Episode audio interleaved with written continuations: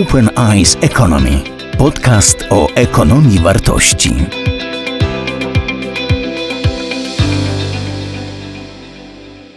I ta część wykładu będzie dotyczyła polityki kulturalnej. I później zaraz przejdziemy do rozmowy na temat właśnie polityki kulturalnej, więc te wątki, które ostatnio były przez moich znakomitych gości podejmowane, będą mogły być kontynuowane. E, to, co chcę tutaj przedstawić na kilku slajdach, e, jest wynikiem pracy e, badawczej, która została wykonana dla miasta Warszawy.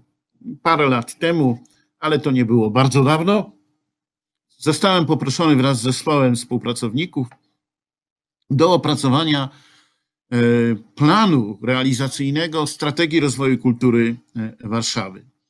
I przygotowując to opracowanie, analizując na czym polega ta strategia i jak dotychczas ona była realizowana, bo tam istniało poczucie, że mamy dokument, natomiast jego wdrożenie jest problemem, doszliśmy y, w tym zespole do wniosku, że na wielu różnych przykładach można mówić o trzech rodzajach podejść do prowadzenia miejskiej polityki kulturalnej. Ale ja oczywiście chciałbym powiedzieć, że gdybyśmy się zaczęli zajmować nie akurat miastem, tylko rządem, to też takie trzy podejścia moglibyśmy spróbować e, wyróżnić. Więc pierwsze z nich, które jest dominujące w naszym kraju, a w każdym razie w Warszawie ono było bardzo wyraźnie dominujące, o tym, że polityka kulturalna polega na zarządzaniu miejskimi instytucjami kultury. E, I w konsekwencji inne obszary funkcjonowania kultury, inne obszary kultury mają dużo mniejsze znaczenie. Przy czym takie działanie, wtedy gdy polityka kulturalna się na tym koncentruje, miejska, z jednej strony ma taki wektor poprawy tak czy inaczej interpretowanej efektywności tych instytucji. Są różne miary y, tej efektywności, no między innymi to, jakie są wpływy własne, jaka jest liczba publiczności, Czasami taką miarą efektywności jest to, czy wytwarzane dzieła, czy wytwarzane przez daną instytucję uzyskują jakieś nagrody, wyróżnienia. Tutaj często jest y, wiele takich kryteriów oceny, ale w każdym razie chodzi o to, żeby był wynik się poprawiał, e, w tym ten wynik ekonomiczny. Oczywiście tu chodzi o to, żeby środki własne, czyli środki na przykład sprzedaży biletów, były odpowiednio wysokie i rosły. Ale drugie kryterium to jest zapobieganie konfliktom i awanturom. Władza miejska chce mieć spokój e, i w związku z tym, e, jeśli się pojawiają, nie wiem, napięcia w zespołach teatralnych, jeśli pojawiają się jakieś relacje, niepokoje pomiędzy publicznością, pomiędzy instytucją, to zawsze niepokoi E, decydentów, miasto. Oczywiście ja nie chcę powiedzieć, że takie podejście wyklucza dbałość o poziom artystyczny podległych instytucji, ale chcę wyraźnie powiedzieć, że jeśli polityka tak jest ukierunkowana, jak to przedstawiam, i jeszcze raz podkreślam, że bazą tutaj była ocena sytuacji w Warszawie, choć nie tylko, to wtedy e, poziom artystyczny nie jest sprawą e, najważniejszą. Jest brany pod uwagę, ale nie jest decydujący. Drugie podejście, które także w przypadku Warszawy miało swoje odniesienie, to nie jest tak, że ja mówię o czymś, co mogłoby być, a czego w Warszawie nie było, polega na pobudzaniu różnorodności e, różnych form aktywności kulturalnej. Wtedy polem polityki kulturalnej staje się nie tylko instytucja kultury, a może nie przede wszystkim instytucja kultury, ale wszelkie rodzaje podmiotów prowadzących działalność kulturalną, a zwłaszcza twórcy. Wtedy rola miejskich polityki polega na tym, żeby zapewnić równowagę między zachęcaniem do otwartości i współdziałania tych instytucji kultury, a także ochroną ich interesów. Ponieważ pomiędzy tymi pulami zasobów, które mogą być uruchomione w ramach polityki kulturalnej, rodzi się naturalne napięcie. Jeśli więcej przeznacza się na przykład na stypendia artystyczne, no to mniej w konsekwencji jest dla instytucji kultury. Rzadko kiedy, niemalże w ogóle, wtedy kiedy przed paroma laty myśmy to analizowali, były takie przypadki, że potrafiono połączyć działanie instytucji kultury i włączyć to drugie pole, czyli połączyć, nie wiem, teatr z działalnością innych form działalności, które nie byłyby tylko i wyłącznie działalnością danej instytucji kultury, a wchodziłyby w szersze pole, w edukację związaną z teatrem, ale także przyciąganiem do teatru twórców amatorskich, e, e, czyli nie zamykałyby się w ramach zespołu danej instytucji kultury. I możliwe jest trzecie podejście, e, i ono już w przypadku Warszawy w ogóle nie miało miejsca, a mianowicie to podejście polega na tym, żeby kulturę uczynić kluczowym wymiarem i mechanizmem rozwoju miasta. Po prostu powiedzieć, rozwój miasta nie jest możliwy bez tego wymiaru, jakim jest kultura. Że kulturę nie należy traktować jako coś, co jest poza rozwojem miasta, co jest coś raczej promocją miasta, może urozmaiceniem oferty, ale nie jest istotą rozwoju miasta.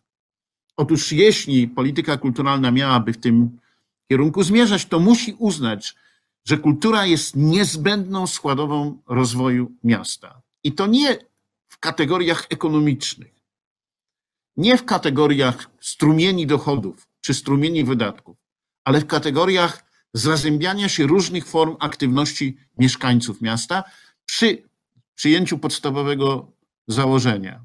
O rozwoju miasta decyduje zdolność do wykorzystywania potencjału twórczego mieszkańców.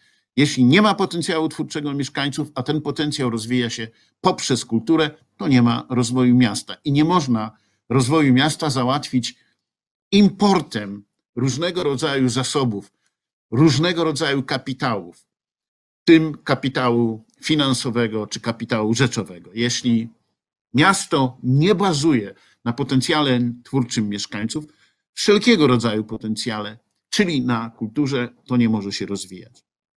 Otóż chcę wyraźnie powiedzieć, że to podejście, praktycznie rzecz biorąc, w przypadku Warszawy nie występowało. Wydaje mi się nadal rzadkie, ale o nim coraz częściej dyskutujemy.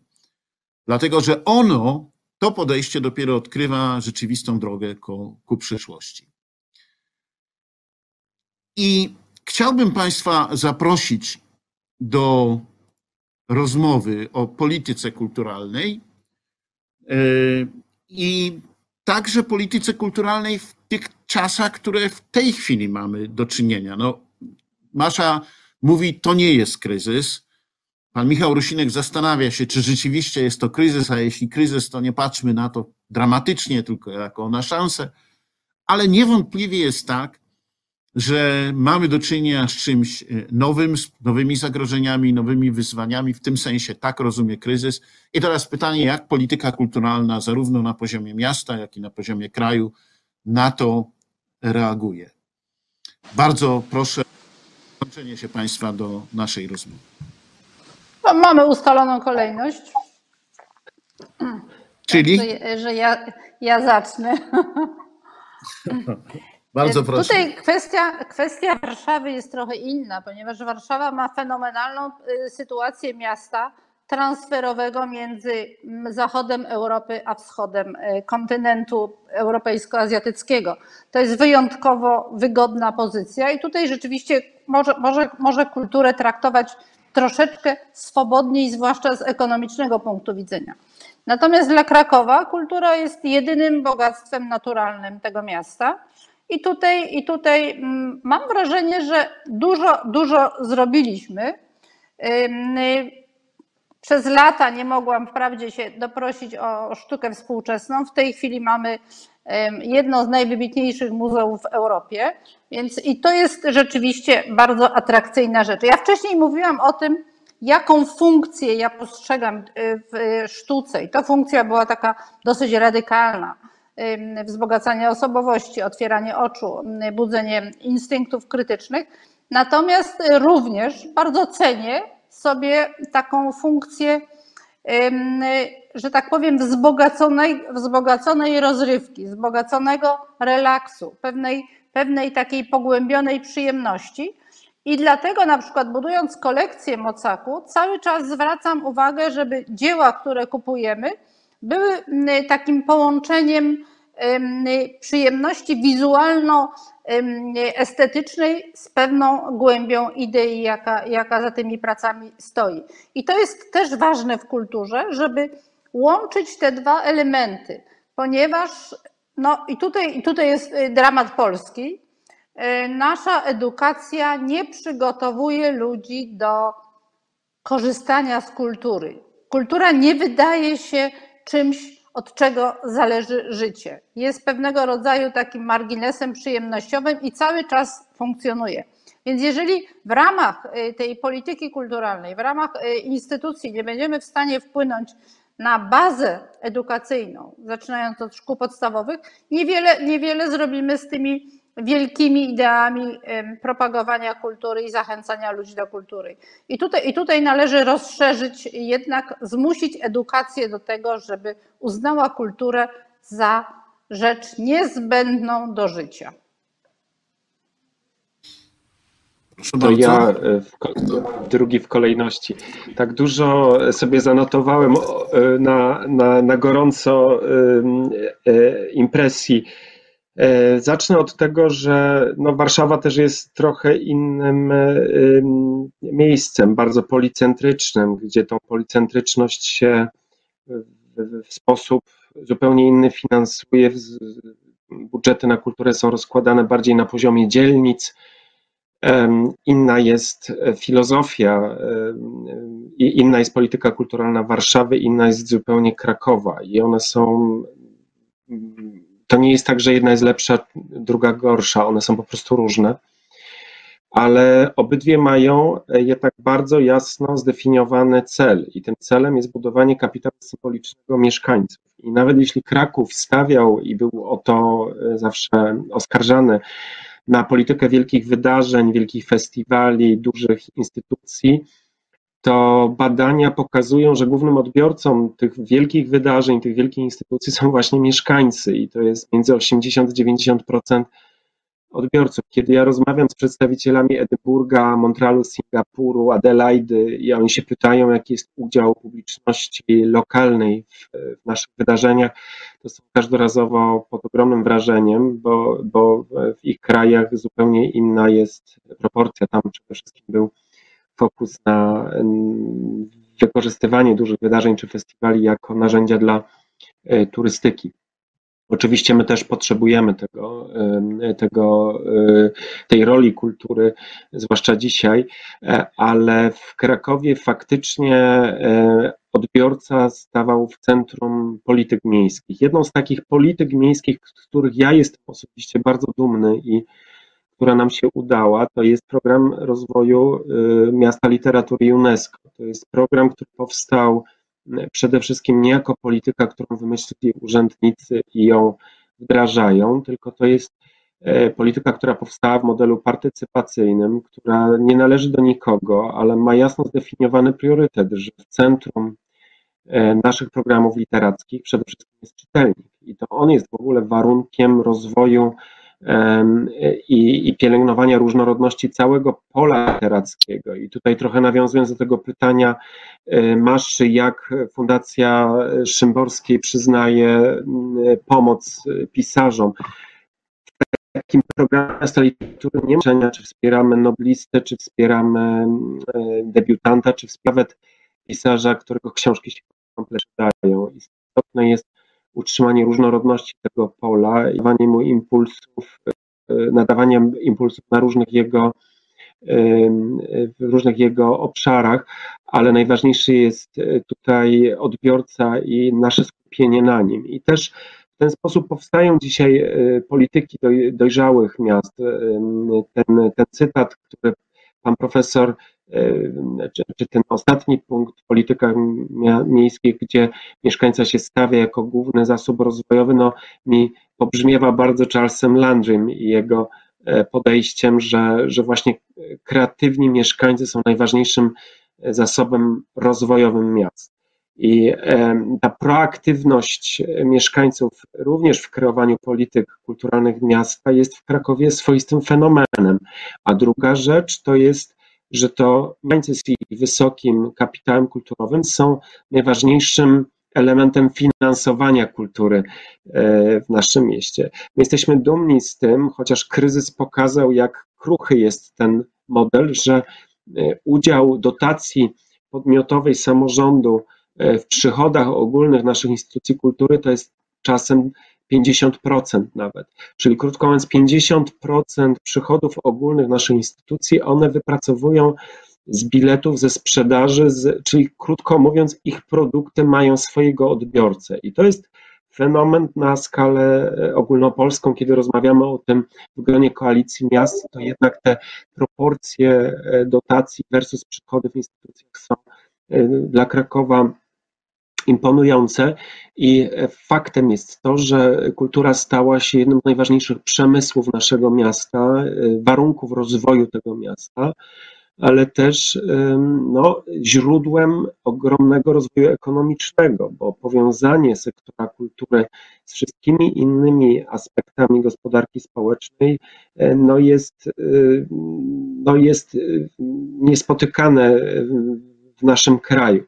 No i też warto podkreślić, że to są przede wszystkim inwestycje samorządowe, że aż 80% wszystkich środków Mm, ulokowanych w kulturę, to są środki samorządów, czyli de facto samorządy stają się e, głównymi aktorami w kreowaniu polityki e, kulturalnej e, w naszym kraju i też te miejsca, tak jak Masza reprezentuje bardzo kosmopolityczne miejsce, które nas właściwie łączy siecią takiej globalnej łączności kulturowej z najważniejszymi centrami sztuki na świecie, a jednocześnie jest bardzo lokalnie e, zakorzenione właśnie w tym takim, wracamy do, do początku naszej rozmowy, czyli jak ja to e, czasami mówię, e, lokalnie za, zakorzenione, ale globalnie zorientowane. No, Mocak jest tego ewidentnym przykładem.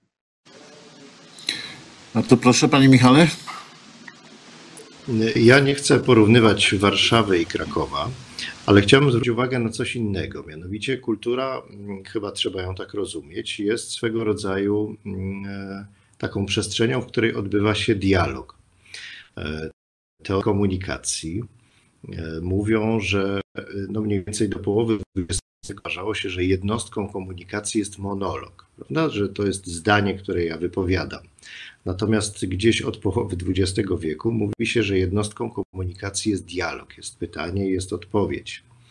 E, I to myślę, że e, dobrze by było zastosować to myślenie również do myślenia o kulturze, e, która nie jest tylko i wyłącznie produkowaniem pewnych towarów, które są później przez odbiorców kultury konsumowane. W ogóle ja nie lubię mówić o kulturze jako o takiej domenie, w której mamy nadawców i odbiorców. Mamy kogoś, kogo e, nazywamy uczestnikami kultury. E, I to uczestnictwo w kulturze, które pojawiło się stosunkowo niedawno w myśleniu o, mm, także w myśleniu o miastach i w myśleniu o państwie, wydaje mi się bardzo, e, bardzo cenne. Mm, budowanie e, kapitału kulturalnego e, powinno być, jak sądzę, z jednej strony wsłuchiwaniem się w to, co twórcy kultury mają w danym miejscu, w danym mieście do zaproponowania, ale także wsłuchiwaniem się w potrzeby i oczekiwania mm, tych, no, nazwijmy ich teraz w cudzysłowie, odbiorców. E, tych, którzy chcą e, w jakiejś formie kultury e, uczestniczyć. Mm, I to mi się wydaje mm, tutaj naj, najistotniejsze i jeżeli przyjmiemy taką perspektywę, zarówno będąc twórcą, jak i będąc na przykład samorządowcem, to myślę, że wypracujemy taki model, który, jak sądzę, wypracowują już miasta takie jak Kraków, E, jakiegoś takiego, no nie wiem, można o tym też mówić e, ekonomicznie na zasadzie popytu i podaży e, pewnej, ale wówczas uda się, jak myślę, jakoś te, te wektory no, po pierwsze dostrzec, a po drugie no, jakoś sfunkcjonalizować i wyciągnąć z nich jakieś wnioski dotyczące właśnie owej polityki kulturalnej. To jest e, bardzo, ja, e, ja, jeśli mogę. Ja tylko, tylko zadam pytanie. E, bo ja się absolutnie zgadzam z tym, że w Krakowie od, nie ma takiej dominacji tego, tego modelu miejskich instytucji kultury. I pod tym względem Kraków się różni. I to, co powiedział pan Robert, że właśnie chodzi o to, że dla nas najważniejszy w centrum jest ten odbiorca. E, powiedzmy w przypadku literatury czytelnik, to jest ważne i nie sądzę, by można było to kwestionować. Ale tu powiedziałbym, czy to naprawdę wystarczy? Czy jeśli do tego, co jest w punkcie pierwszym, miejska instytucja kultury, w punkcie drugim twórca, artysta, dodamy jeszcze odbiorcę i publiczność, czy my naprawdę stworzyliśmy ten mechanizm rozwojowy, bo mnie w tym mechanizmie brakuje, żeby ten odbiorca był współtwórcą, żeby był nie tylko odbiorcą, tak? żeby był, nie mówię, żeby był artystą. Nie w tym rzecz. Tak? Nie, nie, nie na tym polega rola literatury, żeby każdy pisał. Każdy Natomiast rola literatury polega na tym, że każdy powinien znaleźć sobie zdolność do ekspresji twórczej. To jest istotne, aktywnej ekspresji twórczej. I z tego punktu widzenia wydaje mi się, że dopiero dodanie tego kolejnego elementu, o którym zresztą pan Michał Rusinek mówił bardzo przekonująco, jest tutaj bardzo potrzebne. I y, jeśli pan Robert chce zabrać głos, to chętnie tak zróbmy, bo tym bardziej, że ja postawię ten problem, który ja bardzo często stawiam, tak? Akurat jest pan współtwórcą jednych z największych wydarzeń muzycznych w naszym mieście, tak? Pod względem kultury muzycznej, obecności w naszym mieście, wielkiej światowej sztuki, także dzieł. Pan wniósł ogromny wkład, ale ja często pytam, nikogo nie pokazując palcem, na ile to, co robimy, przyciągając i budując publiczność, i rzeczywiście to jest publiczność krakowska, na ile jednocześnie my animujemy kulturę muzyczną mieszkańców tego miasta. Czyli tworzymy zasilanie na przyszłość tego procesu twórczego, jakim jest proces muzyczny. Tak? Ja nie chcę tego sprowadzić do pytania, które często stawiałem. Nie ważne, ile zaprosimy orkiestr światowych, tylko ile miejsc na świecie zaprasza nasze orkiestry, dlatego że są na światowym poziomie, bo jedno i drugie powinno siebie uzupełniać. Jeśli się uzupełniać, to znaczy, że mamy to, co powinno być w naszym mieście najważniejsze, o czym Masza mówiła, że ten kapitał kulturowy to jest największy zasób naszego miasta. Panie Robercie. No i to jest właśnie takie niekończące się pytanie, czy powinniśmy, tak jak Berlin, wydawać 35 milionów euro na berlińskich filharmoników, powinniśmy wydawać e, no, na, na kilkanaście orkiestr, które może nie mają tej e, reputacji berlińskich filharmoników, ale e, no, gra w nich łącznie kilkaset ludzi na różnym poziomie i ważne są i te młodzieżowe, i te uczelniane, i te kameralne, i te barokowe. Więc to jest oczywiście pytanie, czy, czy jak zachować w tym wszystkim równowagę. Ja na chwilę się odniosę jeszcze do odbiorców, bo o nich można mówić zarówno jako o tym odbiorcy proaktywnym, który współtworzy, można o nim mówić jako interesariuszu, można o nim mówić jako o narzędziu też dla sztuki, bo przecież ta rola odbiorcy w sztuce jest bardzo ważna, a ja lubię bardzo metaforę routera, czyli takiego odbiorcy, którego zadaniem jest wprowadzanie dzieła sztuki e, w ruch. Nie, nie tylko kontemplację, ale wprawianie go w ruch. I to ma różne aspekty. To dzieło zaczyna krążyć w globalnych sieciach e, e, komunikacyjnych, przepraszam, obrasta w nowe sensy zmienia się jego forma. Jest to dzieło aplikowane do nowych, e, zupełnie nieoczekiwanych kontekstów. Przepisywane jest na zupełnie inne media, miksowane, przemieszcza się właściwie z innymi e, treściami kultury. No i to jest to, co Buriard właśnie nazywał e, tą strategią trochę brikolażu w kulturze. Dla nas Oczywiście odbiorca jest w centrum, ale on jest warunkiem tej dialogiczności w kulturze, o której mówił Michał. Ja się zgadzam też, wracając do orkiestr, że To jest bardzo ważne, żebyśmy stworzyli warunki w naszym mieście, w którym wzrost kapitału kulturowego mieszkańców i gusta kulturowe coraz szerszego kręgu odbiorców w sposób naturalny wymusza e, wzrost i poziomu naszych zespołów i, i ich światową rozpoznawalność. I myślę, że takim dobrym przykładem jest na przykład działalność kapeli Krakowienzis, która właściwie z dziesięcioligowego zespołu grającego muzykę dawną na współczesnych instrumentach nagle zaczęła się zmieniać w jeden z wiodących europejskich e, zespołów tego typu, i który gra i w koncert Gebauf, i w, w Teatr Anderwin, i w Teatrze Marińskim, i, i nagrywa dla Dekki, i dla Erato. I, I nagle wydarzyło się coś ważnego w ciągu paru ostatnich lat,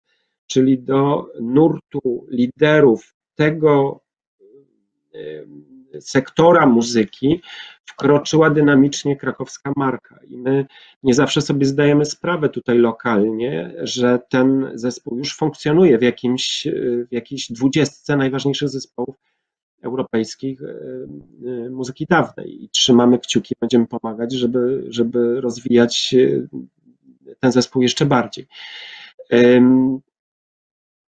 Także to, to, jeżeli chodzi o odbiorcę i o jego rolę, ona się bardzo zmieniła i dzisiaj też e, widząc, jak technologia zaczyna e, być narzędziem, którym z jednej strony, z jednej strony e, wyklucza część instytucji i część odbiorców z dostępu do kultury, i z drugiej strony, jak bardzo pomaga zaistnieć lokalnym markom na platformie globalnej.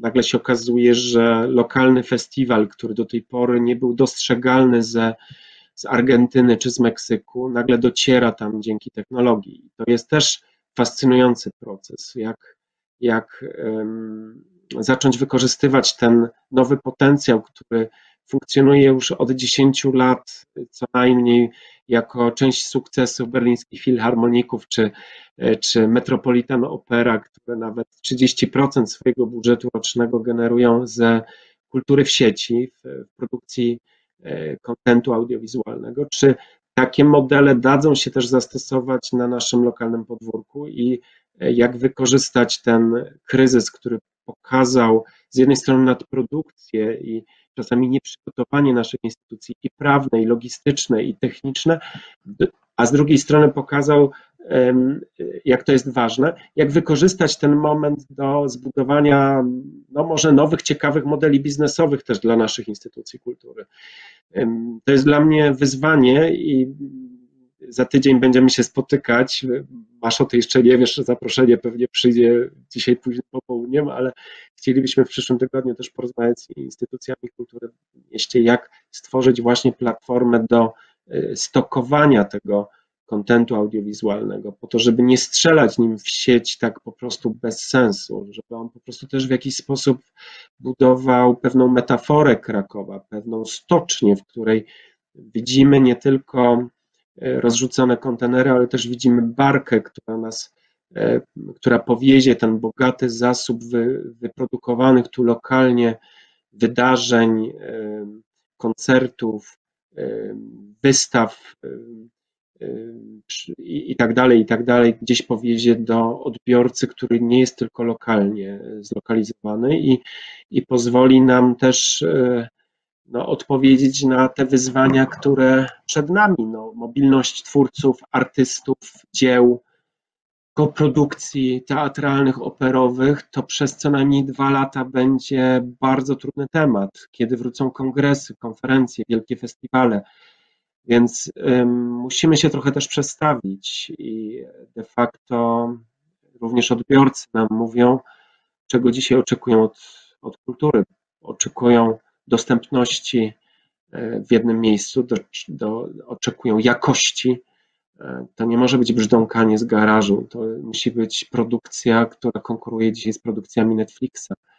I też e, takie wyzwanie stoi przed nami jako ludzi, którzy zarządzają kulturą, ale też którzy tworzą kulturę na co dzień. Masza? A jakie jest pytanie? Pytanie jest o to, czy co zrobić, żeby odbiorca był współtwórcą, nie tylko uczestnikiem. Wydaje mi się to może nie utopijne, ale jest to dość takie marzenie specyficzne, ponieważ żeby odbiorca był współtwórcą, to wymaga współpracy analiz społecznych.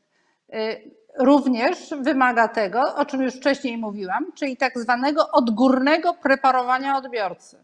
Odbiorca to nie jest y, ktoś, kto natychmiast będzie y, gotowy. To jest ktoś, kto musi zostać w jakiś sposób przygotowany do tego, do czego kultura jest mu potrzebna. Oczywiście robimy wszyscy różne, różne badania, ankiety. Odbiorcy niekoniecznie chętnie, bo to są rzeczywiście takie no, to trochę schematyczne działania, ale w każdym razie pytamy, czego oczekują. Y, rozmawiamy na różne sposoby z nimi, natomiast y, y, odbiorca to nie jest jego funkcja współtwórcy. Jego funkcją jest pewne sugerowanie tego, co on potrzebuje. A z kolei ja na terenie sztuki mam taką sytuację przewrotną, że ja mam mu dać nie to, co on oczekuje, tylko to, co w pewnym sensie dokona na nim jakiej, jakiegoś takiego zabiegu wytrącania go e, z dobrego samopoczucia, z pewnego rodzaju takiej zwyczajności funkcjonowania. Więc tego na pewno żaden odbiorca nie będzie zamawiał, bo nie zamawiamy gwałtu na sobie. E, tutaj jest inna sytuacja. My raczej, my raczej prowadzimy dialog na zasadzie takiej, że odpowiedzią odbiorcy jest potencjalna zmiana jego postrzegania świata. Natomiast nie jest to odpowiedź świadoma, otwarta. No oczywiście tutaj Robert mówił o interaktywności, o tym w tej chwili interaktywność jest zakazana z powodów higienicznych. Do tego, do tego wrócimy to jest rzeczywiście pewna, pewna niewątpliwa forma dialogu, że y, odbiorca, odbiorca wchodzi w pewną relację z dziełem. Natomiast nie jest to dialog typu ja chcę coś zrobić, a ty powiedz mi, co byś chciał, żeby było zrobione, albo wpłyń na to. Dlatego wydaje mi się, że tutaj y, bardzo, bardzo piękne to, co powiedział Michał o tym dialogu, ale wydaje mi się, że to piękno ma w sobie właśnie taki urok e, czaru utopijności. E, pan Michał Rucinek. Zgadzam się. Zgadzam się, zostałem wywołany do tablicy. Ja mogę powiedzieć, jak to wygląda mm, w, u nas, to znaczy w Fundacji Wisławy Szymborskiej. My jesteśmy w specyficznej sytuacji, bo mamy mm, statutowe dwa cele. Jednym jest e, wspieranie młodych, nowych twórców, debiutantów bardzo często, albo tych, którzy mają już jedną książkę co najmniej na, na koncie, a z drugiej strony mamy dbać o, nie lubię tego słowa, spuściznę po Wisławie Szymborskiej o jej twórczość. Więc musimy też jakoś dywersyfikować naszą e, aktywność e, i nasze środki, żeby nie, no, żeby jakoś to zbilansować. Zauważyliśmy na przykład taką rzecz, że jeżeli organizujemy spotkanie poświęcone wyłącznie twórczości Wisławy Szymborskiej, to przychodzą na nie ludzie w wieku takim powiedzmy 40 plus. I oczywiście możemy robić, y, urządzać imprezy wyłącznie dla nich, ale zastanawiamy się cały czas, jak to zrobić, żeby do twórczości szymborskiej przyciągnąć młodych. Młodzi zresztą przychodzą bardzo często na, i bardzo chętnie na spotkania z no, tymi, że tak powiem, swoimi równolatkami, czy, czyli z młodszymi poetami, z tymi, którzy są laureatami lub y, finalistami nagrody imienia Wisławy y, Szymborskiej. Więc cały czas się zastanawiamy, jak to zrobić, żeby przyciągnąć nieco starszych do, y, na, na te spotkania z młodszymi poetami i nieco młodszych na spotkania poświęcone twórczości Wisławy Szymborskiej. Ale jeszcze robimy jedną rzecz, która mm, można powiedzieć poszerza to pole dialogu, które można je rozumieć utopijnie, ale jakoś moim zdaniem ku tej utopii należałoby się jednak kierować, mimo że ona jest gdzieś tam na horyzoncie. Mianowicie obmyślając y, nagrodę imienia Wisławy Szymborskiej, najmniej czy też najsłabiej opracowaną przez samą Szymborską, bo ona nie dała nam żadnych wytycznych ani w testamencie, ani w statucie fundacji. Wymyśliliśmy, że mm, e, zaprosimy do jury tego konkursu nie tylko lokalnych krytyków, którzy są w, dużej, w dużym stopniu przewidywalni, ich wybory są przewidywalne, ale także i mm, tłumaczy y, literatury polskiej, poezji polskiej na inne języki, co spowodowało taki efekt uboczny, z którego jestem bardzo dumny, więc się nim pochwalę, y, że y, dzięki nim mm, ta mm, poezja laureatów Nagrody imienia Szymborskiej jest chętniej tłumaczona na inne języki, często też przez nich po prostu jest tłumaczona na inne języki i dzięki temu dociera do większej ilości odbiorców i ten dialog toczy się, można powiedzieć, e, szerzej. Dialog, którego centrum stanowi, e, stanowi Kraków, tak zresztą jak życzyła sobie e, Szymborska. Bardzo Państwu dziękuję za tę część. Teraz przejdę do podsumowywania wykładu, więc jeszcze się nie rozstajemy, jeśli mogę o to prosić, bo chciałem na końcu Państwu podziękować i pozdrowić. E, rozmawialiśmy dzisiaj o znaczeniu kultury w kontekście wychodzenia z kryzysu, w kontekście poszukiwania nowych dróg i rozwiązań i ten slajd y, ma pokazać, co oznacza taka rola kultury, czym tkwi energia, którą kultura nam daje i od czego zależy. Jeśli na początku Masza powiedziała, że rolą kultury polega na tym, żeby nas wyzwolić, E, no to zastanówmy się, pod jakimi warunkami kultura może nas wyzwalać. I znajdziecie Państwo, którzy się przysługujecie wykładowi w tych tezach, które teraz przedstawię, echa wielu rzeczy, które moi wspaniali goście e, wspominali, o nich mówili. A więc kultura, aby e, taką rolę odegrała, E, musi być głównie obszarem działań jednostek i indywidualnej kreatywności.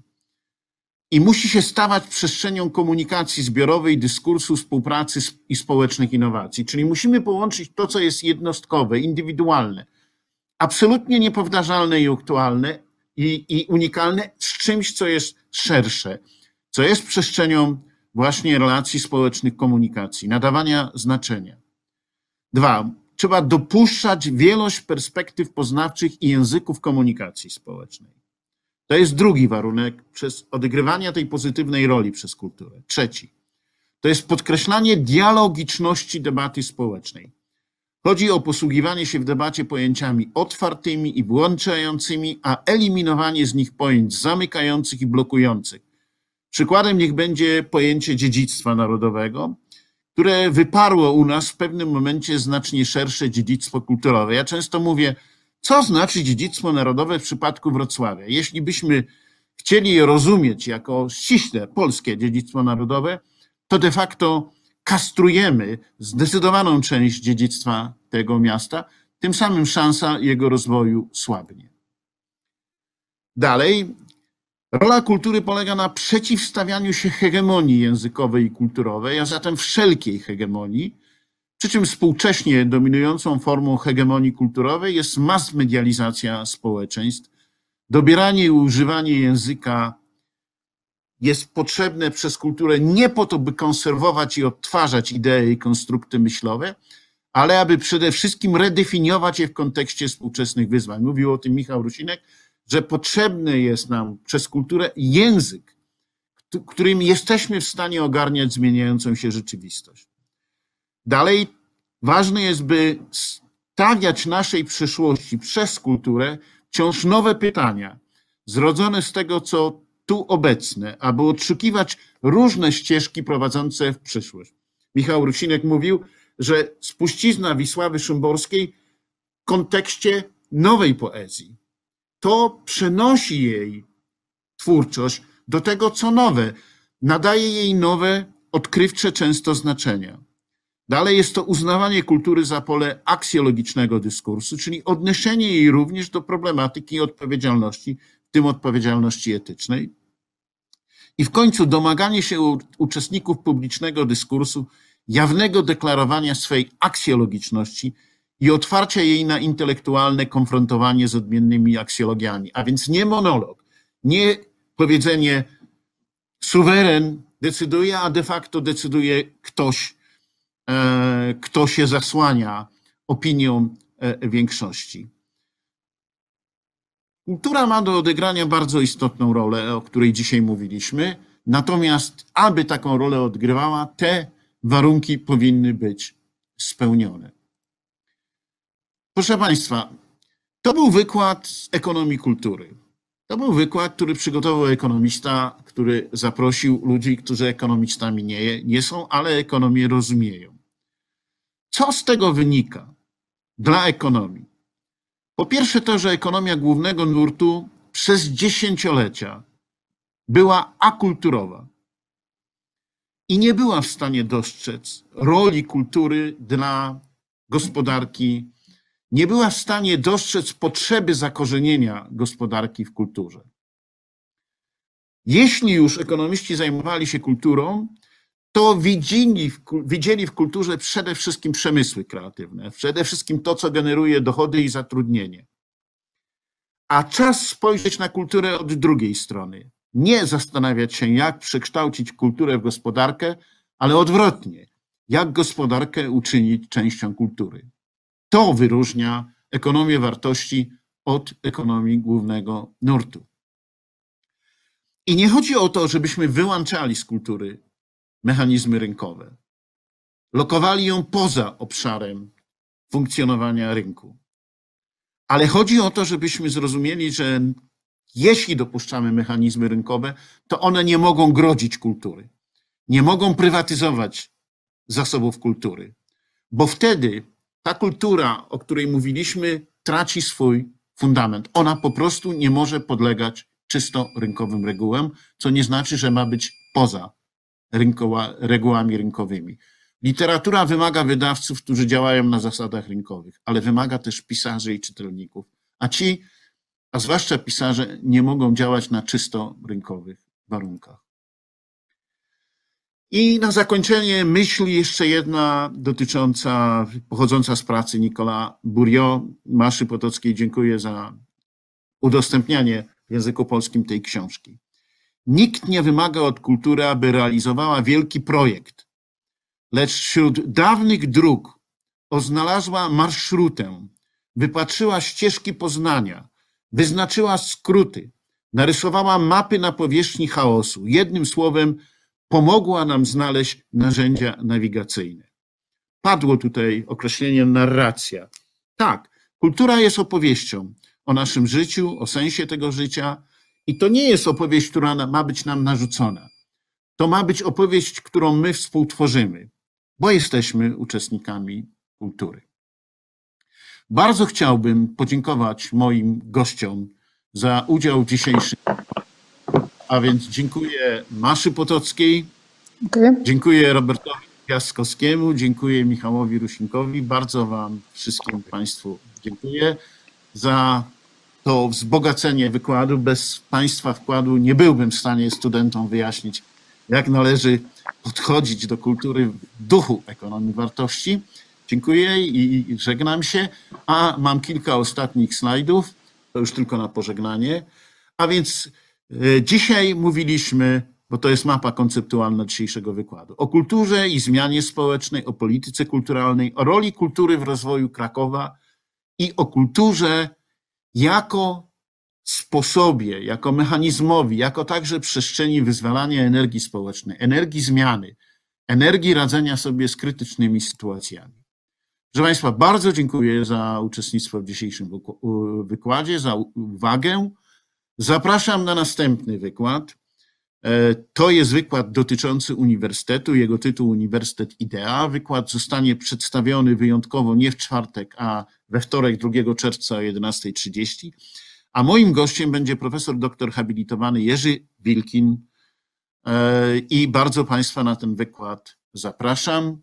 I oczywiście zapraszam Państwa za wydarzenie ważne dla Krakowa, ważne także dla środowiska Uniwersytetu Ekonomicznego w Krakowie, Open Eyes Economy Summit 17-18 listopada. Do widzenia.